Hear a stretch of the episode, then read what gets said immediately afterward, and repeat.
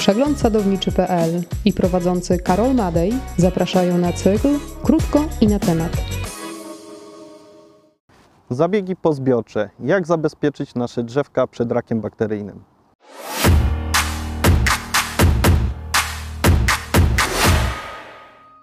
Witam Państwa serdecznie. Znajdujemy się w Wolce Babskiej w sadzie jabłoniowym Pana Piotra. Mamy tutaj odmianę gale. Jesteśmy już po zbiorach. Chciałbym z Państwem poruszyć temat y, zabiegów pozbiorczych wykonywanych preparatami miedziowymi. Jakie one mają zastosowanie? Ano przede wszystkim mają nam zabezpieczyć naszą uprawę przed chorobami kory.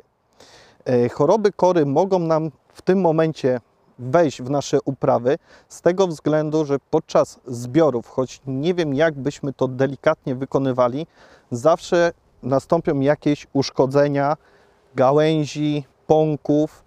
Przez te rany mogą nam się dostawać bakterie do naszych roślin, które będą skutkowały takimi oto ranami.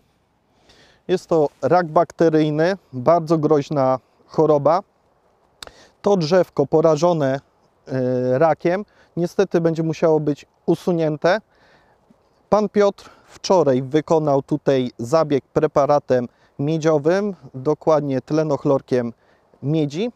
Oczywiście jesień jest też bardzo dobrym okresem, żeby nasze rośliny odpowiednio nawozić, odżywić.